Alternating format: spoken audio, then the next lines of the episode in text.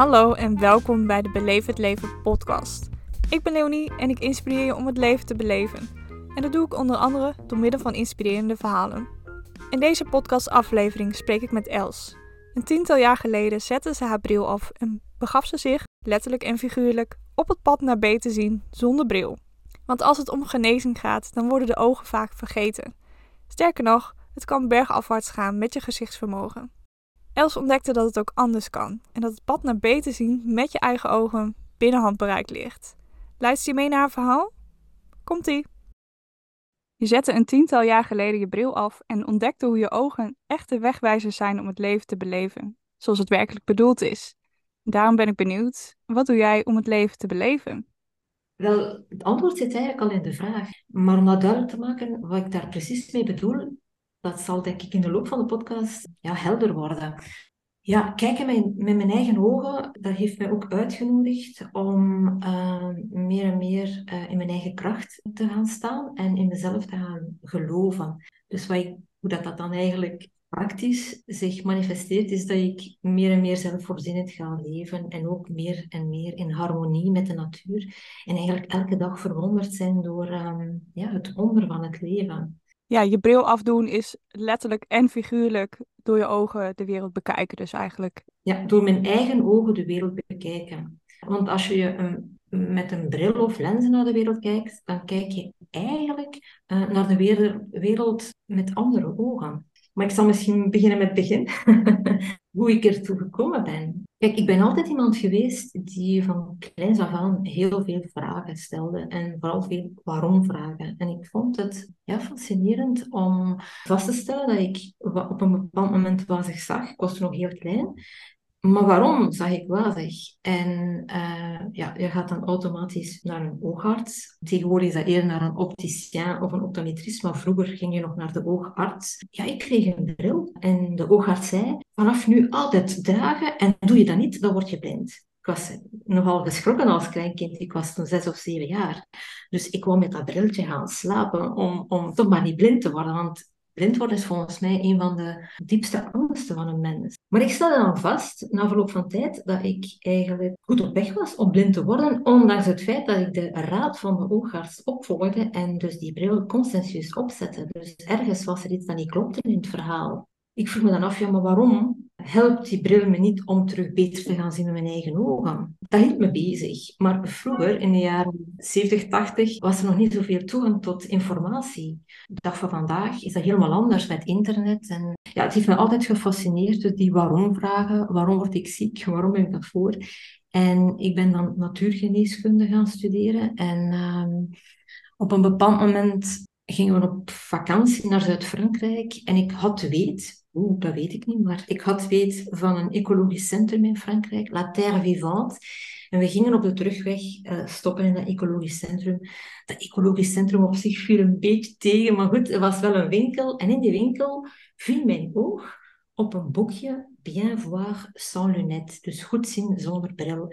En ik had zoiets van, wauw, het is dus toch mogelijk om goed te zien zonder een bril. En ik las de achterflap van dat boek waar dan kort beschreven stond over uh, Dr. Bates en zijn methode om weer met je eigen ogen te gaan zien. En ik voelde een diepe vreugde.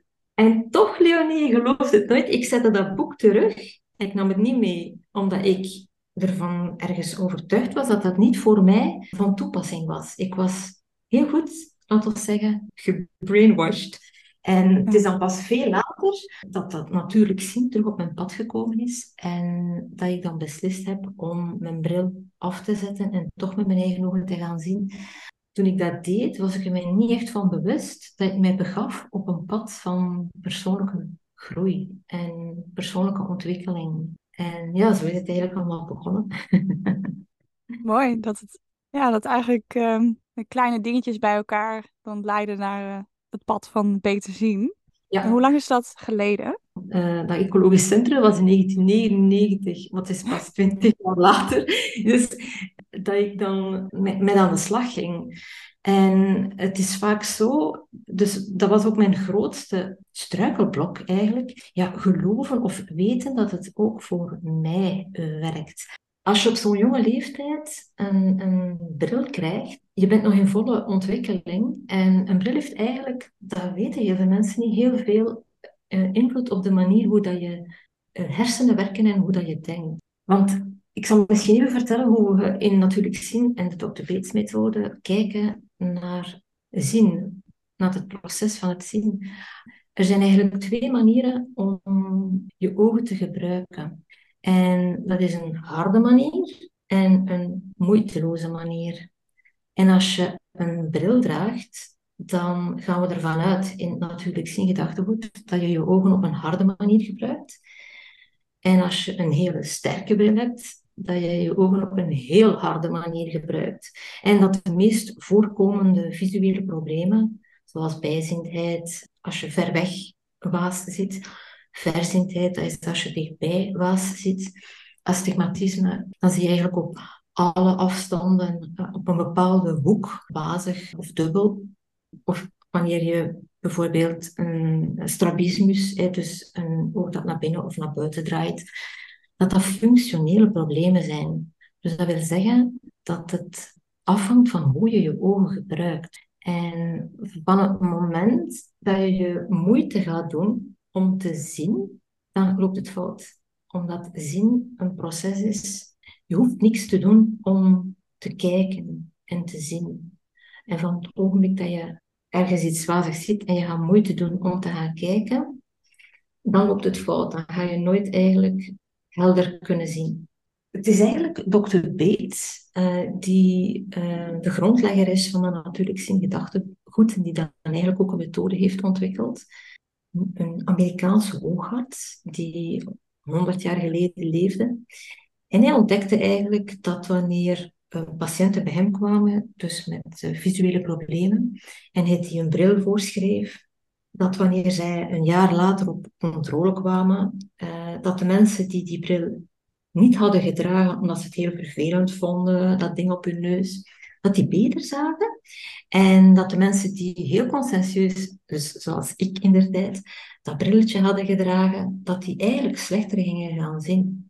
En hij vond dat hoogst fascinerend. En op zich is dat eigenlijk ook heel raar. Het, zou hetzelfde zijn, Johnny, dat bijvoorbeeld je uh, struikelt en je, je voet bezeert en dat je naar de dokter gaat en dat de dokter zegt, ja, vanaf nu ga je met de krukken door het leven gaan, je, kan, ja, uh, je voet is verstuikt. En waarschijnlijk ga je dan na verloop van tijd in een rolstoel belanden. Dan zou je zeggen, ja, maar dat klopt niet.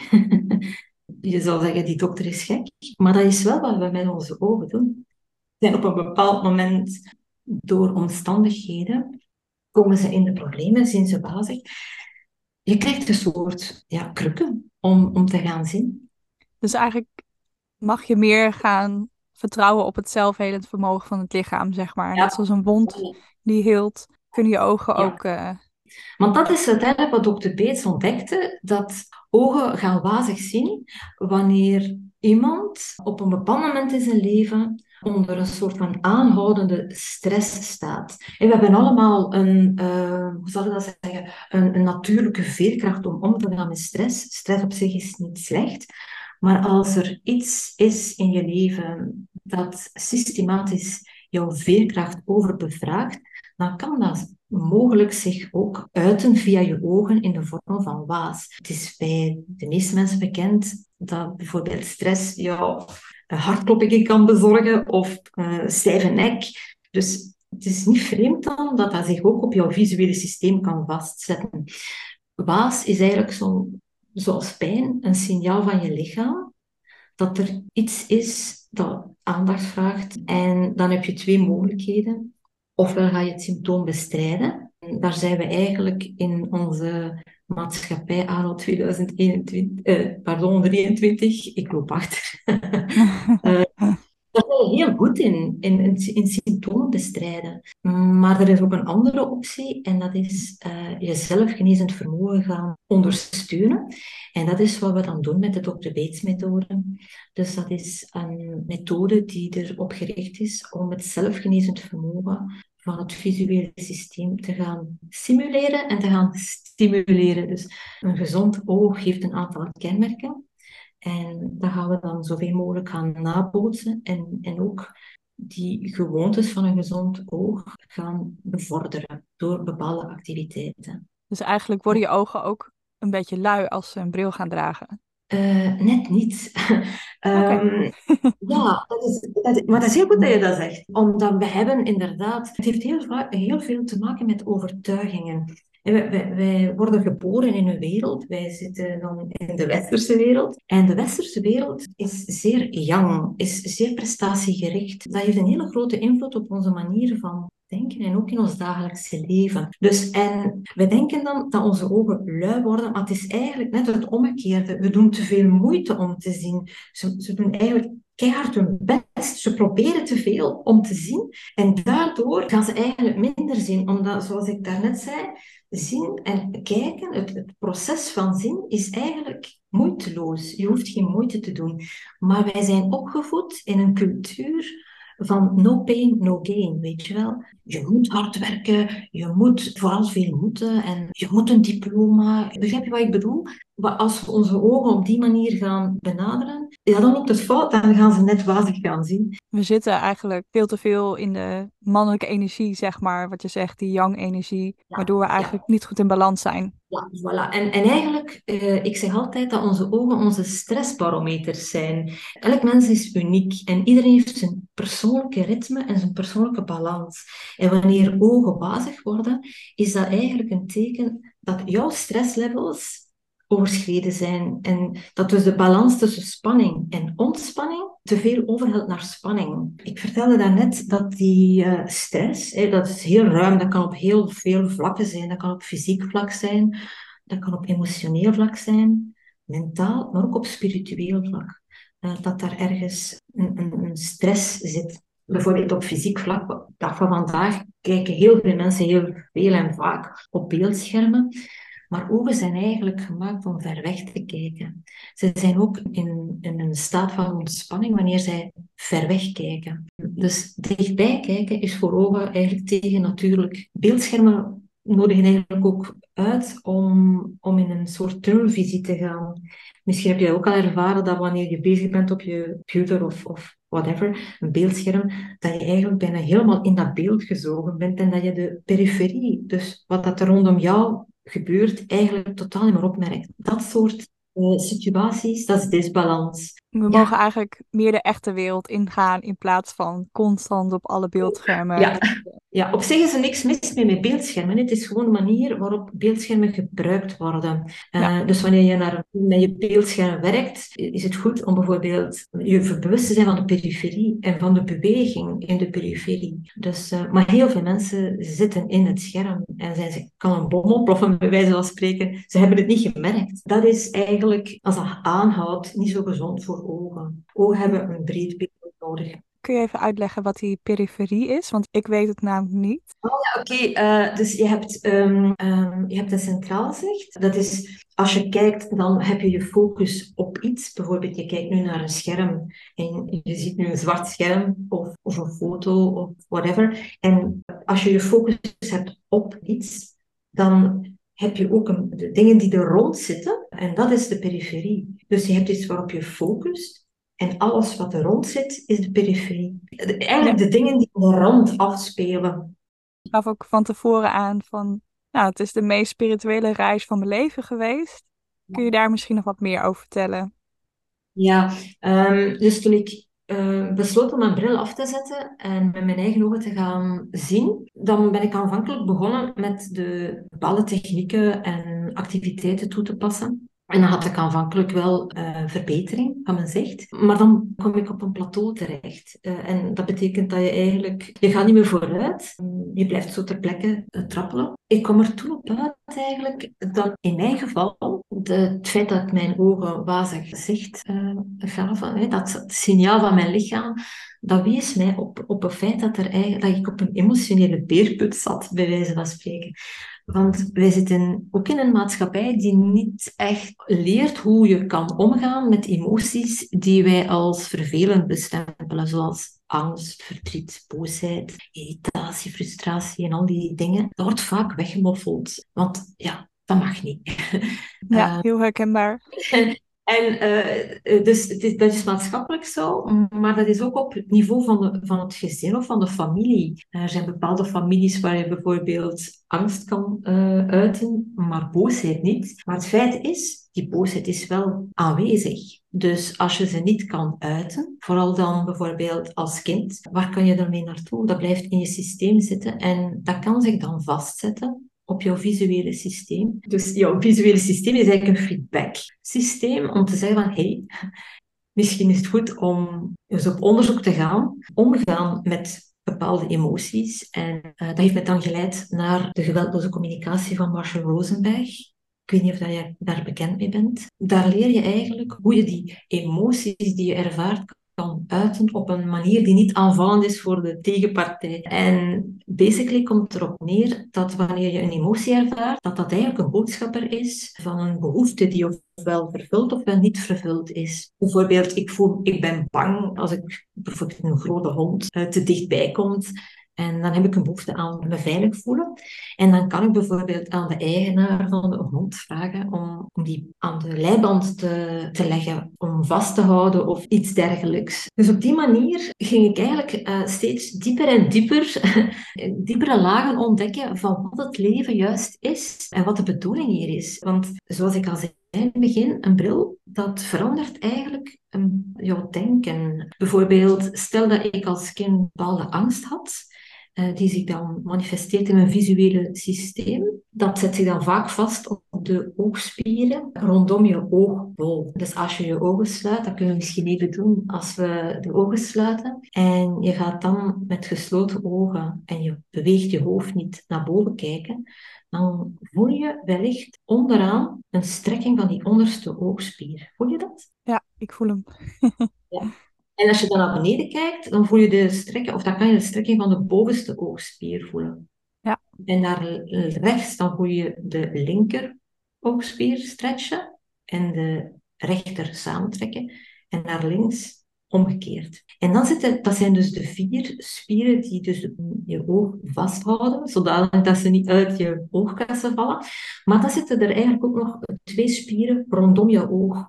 En dat is de bovenste oogspier en de onderste oogspier. En die gebruik je bijvoorbeeld wanneer je met je ogen gaat rollen. Dus een cirkel maken wanneer je je ogen sluit. Dan gaan al die spieren samenwerken om je ogen te bewegen. Gek gevoel eigenlijk als je daar bewust op let. Want normaal heb je dat helemaal niet door natuurlijk. Nee, nee. Maar wat dokter Beets ontdekte, is dat die oogspieren eigenlijk een heel belangrijke rol spelen in het goed zien. Want als er nu bijvoorbeeld stress is, bijvoorbeeld die angst waar ik het over had, en dat zet zich dan vast op bijvoorbeeld de bovenste en de onderste dwarse spier, dan gaat die spier uh, samentrekken. Een spier die onder spanning staat, trekt samen. Maar als die spier samentrekt en ze zit rondom je oogbol, dan gaat dat de vorm van je oogbol beïnvloeden. Maar als je er dan een glas voorzet, in de vorm van een bril, dan wordt die feedbackloop van jouw, jouw lichaam eigenlijk gecorrumpeerd. Want je ziet dan scherp en helder, maar je zit met die spanning en die vervorming op je oogbol. En dat klopt niet. En dat is dan eigenlijk ook de oorzaak vaak dat wanneer je de volgende keer bij de oogarts komt, dat je sterkte vergroot, omdat jouw lichaam, of ons lichaam is onze dienaar, en die wil ons duidelijk maken, hey, er is iets. Dus die gaat harder schreeuwen, dus die spieren gaan nog harder samentrekken, waardoor je een sterker glas nodig hebt, om, omdat je oog nog meer vervormd wordt. Nu, dat is natuurlijk allemaal millimeterwerk, maar is toch wel, uh, heeft een grote invloed op de scherpte van, jou, van jouw zicht. En hoe kun je dat verbeteren zonder bril? Dat is natuurlijk de grote vraag. Dat is de grote vraag, inderdaad. De grote vraag, hoe verbeter je uh, zonder je bril dan? Um, wel, vaak... Um, we hebben dus allemaal een zelfgenezend vermogen. En dat is ook wat dokter Bates vaststellen. Dat is wanneer mensen hun bril eigenlijk niet zoveel dragen of helemaal niet dragen, dan gaat na verloop van tijd, is het mogelijk dat die stress zich herstelt. Dus de, de ontspanning terugkomt in die oogspieren. En dan ga je weer beter zien. Maar het feit is dat wanneer je constant die bril draagt of lenzen, dan ga je eigenlijk de stress bestendigen en vastzetten. En ook ga je leren dat het goed is om jezelf te forceren. want uh, je leert eigenlijk aan je hersenen dat bijvoorbeeld stress die zich vastzet op je oogspieren, dat goed is, want je krijgt feedback van helder uh, zicht. Dat is een heel belangrijke om door te laten sijpelen. Eens dat dat zo uh, inzakt, dan heb je zoiets van, ja, inderdaad. Dus wanneer je die bril weg doet, dan kan je bijvoorbeeld ja, het is heel simpel hoor, Leonie. Want um, door bijvoorbeeld gewoon je ogen te sluiten en je ogen meer rust te geven, dat kan al een, een positief effect geven. Ik zeg nu niet bijvoorbeeld als iemand pas wazig zicht krijgt en je hebt deze kennis, dan is het natuurlijk iets gemakkelijker om uh, terug te gaan. Maar bijvoorbeeld wanneer je 20, 30 jaar die spanning vasthoudt en geleerd hebt, want jouw, een bril of lens is eigenlijk een soort van trainingsmiddel dat jou traint om spanning vast te houden. Of stress, te, eh, te leven met een bepaald stressniveau, terwijl dat niet de bedoeling is van het leven. Zie je, het leven is moeiteloos. Het leven ja, is, is eigenlijk een, wondermooi. En ja. vandaar dat ik het ook mooi vind, het onderwerp van jouw podcast, beleef het leven. En effectief, Wanneer ik mijn bril afzet, dan beleef ik helemaal het leven anders dan met bril. Met bril, dan voel ik ook... Als ik nu bijvoorbeeld mijn bril van vroeger opzet, dan kan ik bijna... Ik, ik kan daar niet mee ademen. Ah. Omdat... We kunnen nog een, uh, kleine, iets klein, een klein experimentje doen. Als je nu helemaal je lichaam opspant, al je spieren aanspant, ja. en dat is wat er gebeurt met de spiertjes rondom je ogen, kan je dan nog goed en gemakkelijk bewegen. Nee. Dus je, nee. oog kan ook niet meer bewegen. dus die, die oogbol, die, een, een gezonde oogbol, die beweegt 70 tot 100 keer per seconde.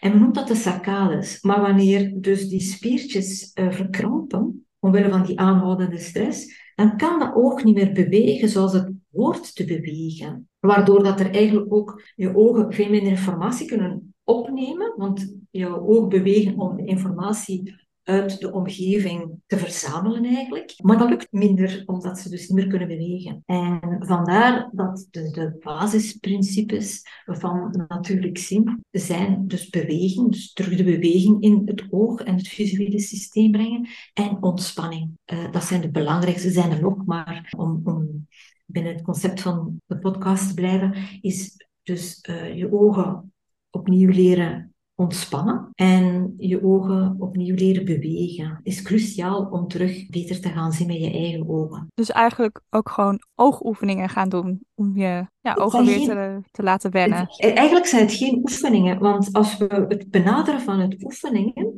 dan zitten we weer in dat jonge denksysteem, in, in, in die jonge, in die prestatie. Gebruiken we niet zo heel graag het woord oefenen of werken. Dan gaan we eerder spreken over ontspannen. Het is eigenlijk opnieuw leren je ogen te ontspannen. En een hele eenvoudige activiteit, dat is palmen. En als je naar je handpalmen kijkt, dan zie je eigenlijk de rand van je palm, dan zie je zo precies kussentjes. Zie je dat?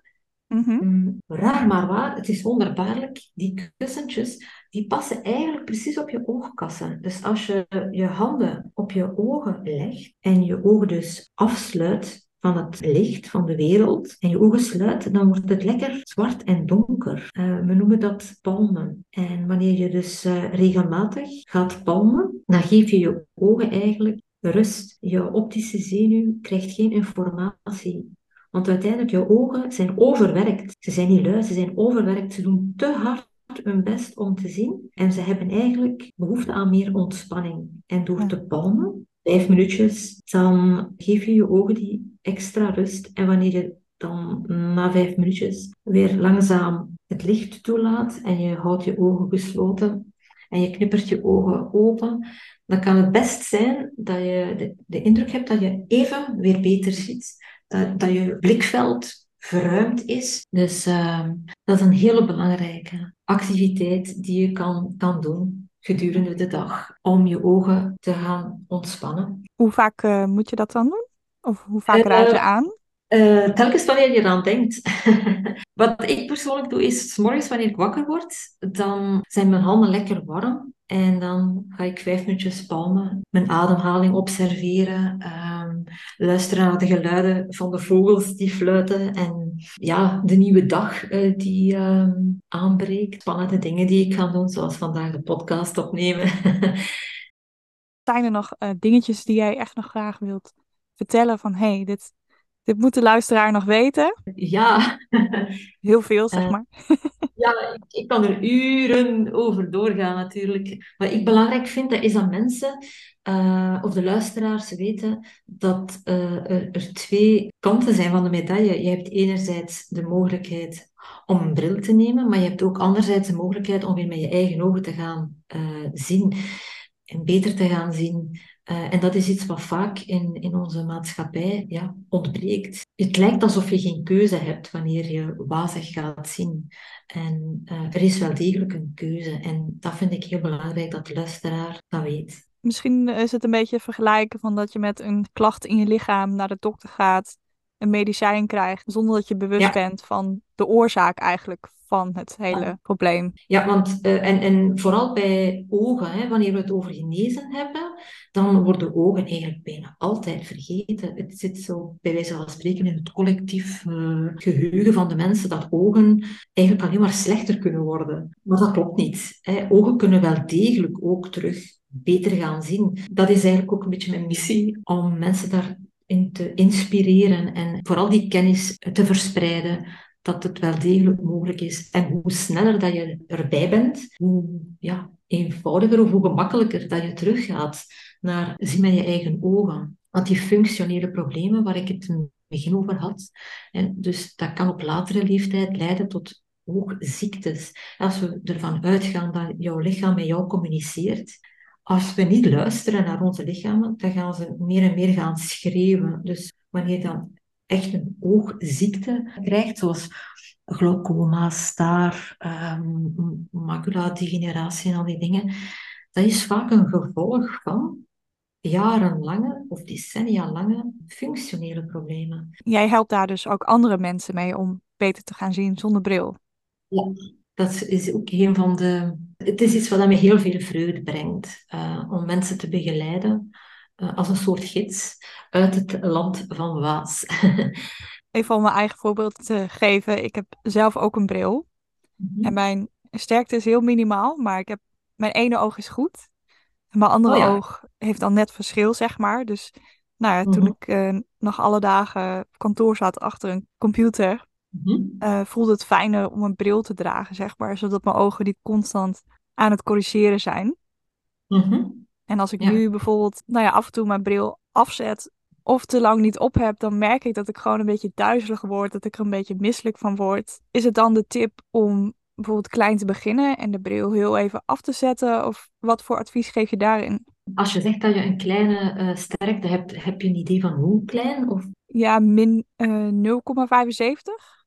Oh, dat is echt heel minimaal. Ja. ja. Eigenlijk voor zo'n um, sterktes zou ik eigenlijk af, uh, aanraden om, om de bril gewoon niet op te zetten. Zeker niet als je bijvoorbeeld met uh, PC werkt. Omdat jouw bril die je hebt, die is gemaakt om te kijken op een afstand van 6 meter en verder. Maar als je hem nu gebruikt om naar je scherm te kijken, dan gebruik je hem voor een afstand van 50, 60, 70 centimeter. Dus je gaat eigenlijk jouw oogspieren, die al onder kramping staan, nog meer gaan verkrampen, omdat je nu eigenlijk het glas gebruikt om dichterbij te gaan kijken. Eigenlijk in principe kan jij met dat soort uh, sterkte perfect zien tot 50, 60, 70 centimeter. Dus heb je eigenlijk helemaal geen bril nodig om dichtbij te kijken. Ja, dat dus is wel waar. Ja. Het is meer van ver af, zeg maar, dat het dan wazig wordt. En daar begint het al mee, als ik een tip mag geven. Maar ja. dat is als je al een bril hebt, gebruik hem waarvoor hij uh, bedoeld is. Dus een bril voor ver weg te zien, is mhm. gebruikt om ver weg te kijken, niet om dichtbij te kijken. Dus in jouw geval gebruik jouw bril enkel als je ver weg wil kijken, bijvoorbeeld, en je voelt je onzeker. Iemand die een leesbril krijgt, hm, dat is nog een, een, heel ander onderwerp, daar kan ik ook nog uren over, over praten. een leesbril, dat is bedoeld om dichtbij te kijken, maar een bril is gemakkelijk, dat, blijft, dat staat op je hoofd en dan ga je er ook ver weg mee kijken. Maar dan ga je, doordat je met een bril voor dichtbij te kijken, en om te lezen, ver weg kijkt, dan ga je je ogen onder extra druk zetten, want die bril is niet bedoeld om ver weg te kijken. En daardoor gaan je ogen eigenlijk slechter en slechter worden. En dat zie je dan ook Mensen die een leesbril hebben, die krijgen na verloop van tijd ook een bril om ver weg te kijken. En dan krijgen ze een multifocale. En je gaat eigenlijk, dat is wat ik in het begin vertelde, je start met een kruk en op het eind zit je in een rolstoel, bij wijze van spreken. En dat komt gewoon omdat je je ogen niet meer gebruikt op de manier zoals ze bedoeld zijn om te gebruiken. En in jouw geval, Leonie, dan zou ik zeggen, oh, zet jouw bril zo min mogelijk, gebruik hem zo min mogelijk. En ga heel veel palmen als je Bijvoorbeeld als je je voelt, uh, ga palmen, sluit je ogen, ga voelen in je lichaam. Of een, een andere um, basisactiviteit is zwaaien. Dat is eigenlijk bijvoorbeeld als een kind uh, weent, als een babytje weent. Wat doet de moeder met een babytje? Wiegen. Wiegen, voilà. Dus, en dat is ook een, een, basisbeweging, dat is jouw lichaam gaan wiegen. Je kan dan je lichaam heen en weer bewegen. Er zijn daar verschillende soorten in, maar om het heel sumier te houden, dat is je lichaam gaan heen en weer bewegen. Eigenlijk, als het goed voelt, in 180 graden dat je draait. Dus je lichaam 180 graden zwaait eigenlijk. Het is dus eigenlijk ook uh, je lichaam kalmeren of als je inderdaad stress hebt of angstig bent, dan is dat waarschijnlijk ook een mooie manier om nou, je zenuw uh, of je zenuwstelsel, of hoe zeg je het, weer tot rust te brengen. Ja, absoluut, want je kan niet tegelijkertijd die zwaai doen en aan je problemen denken. Dat gaat niet. Nee. Dat zijn eigenlijk twee hele eenvoudige dingen. En dat is, nog, dat is eigenlijk het mooie van heel die Bates-methode, dat is dat het zo eenvoudig is. Maar wij leven in die jonge maatschappij en dan zijn we zo wat geprogrammeerd om te denken dat alles ingewikkeld moet zijn en moeilijk en zwaar. En, maar eigenlijk is zo simpel dat het soms moeilijk wordt. Weer terug naar de ah. basis. Ja, terug naar de basis. Zeker als je zo een min 1, min 2... Wist je, Leonie, dat een, een gezond normaal oog dagelijks twee dioptrieën kan verschillen? Dus dat je bijvoorbeeld morgens opstaat en dat je min 1 hebt en dat je in de loop van een dag plus 2 of min 2. Dus zien, dat is geen statisch gegeven. We zijn geen ah. machine. We zijn mensen, wij zijn onderhevig aan emoties. Heb je bijvoorbeeld een dag van minder goed geslapen, of je hebt ruzie, of uh, er is iets heftigs gebeurd in jouw leven, dan heeft dat een weerslag op jouw zicht. Of dat kan een weerslag op jouw zicht hebben. Dat wist ik inderdaad niet. Het uh, ja. is een goeie. Maar het probleem is dat we in een testzieke maatschappij leven. En van het moment dat iets niet is zoals het zou moeten zijn, dan staat er gelijk een, uh, iemand klaar om je te testen. En voilà, een brilletje. En dan, eens dat je aan de bril bent, dan gaat het alleen maar bergaf. Omdat je lichaam, zoals ik eh, in, in het begin vertelde, die spanning is een signaal dat je gewoon behoefte hebt aan meer ontspanning op fysiek, emotioneel, mentaal of spiritueel vlak. Eigenlijk die basistechnieken, ontspannen en bewegen. Ja. Uh, het visuele systeem. En dan kom je al een heel eind eigenlijk. Ja, ook bewust te worden, maar ook ja, meer kennis vergaren eigenlijk over je lichaam. En in dit geval over je ogen. Weer mooie inzichten en ook mooie tips. Dankjewel daarvoor. Ik wil nog wel eventjes mijn uh, laatste vraag stellen, want dat doe ik in elke podcast. Wat was jouw geluksmomentje van afgelopen week? Ik, uh, afgelopen weekend was ik alleen thuis. Mijn man uh, was op weekend, op mannenweekend in Duitsland. Hij had de auto. Ik kon niet met de fiets weg, want uh, de fiets heeft een lekke band. Dus ik, kon, ik had geen eten. en ik was gaan wandelen. Ik ga, meestal probeer ik elke dag een wandeling te maken. En toen ik terugkwam, stond er een, een zak met groente en fruit voor de deur. oh. En ja, uh, dat is ook een van de dingen die mijn pad, eh, als ik zeg dat het een spiritueel pad is voor mij, dat is om meer en meer te vertrouwen in je eigen creatiekracht en op het leven, dat het leven voor jou zorgt.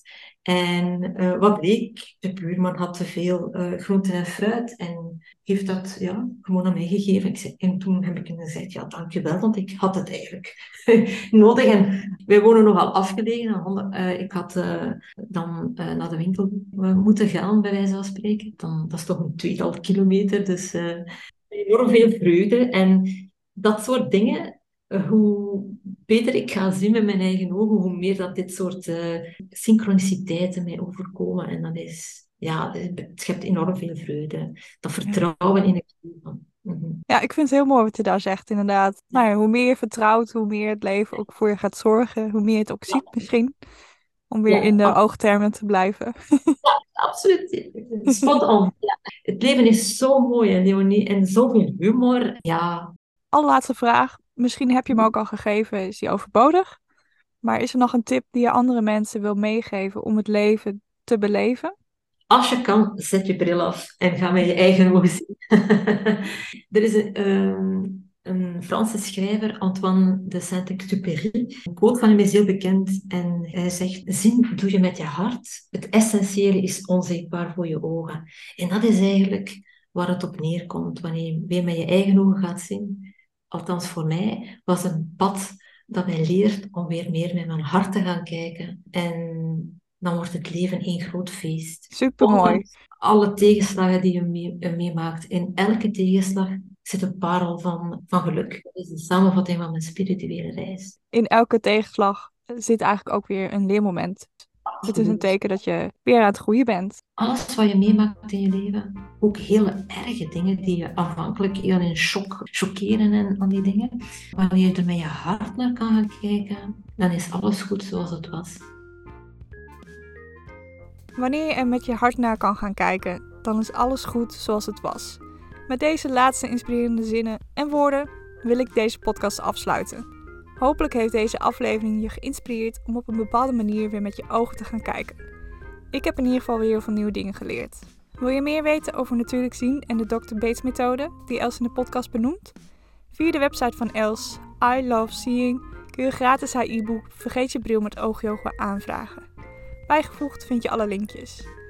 Laat me ook zeker even weten welk inzicht jij hebt gehad uit deze podcastaflevering. Leuk als je me komt opzoeken via Instagram, @beleefdleven. En dan zou ik zeggen, bedankt voor het luisteren en tot de volgende. Doei doei!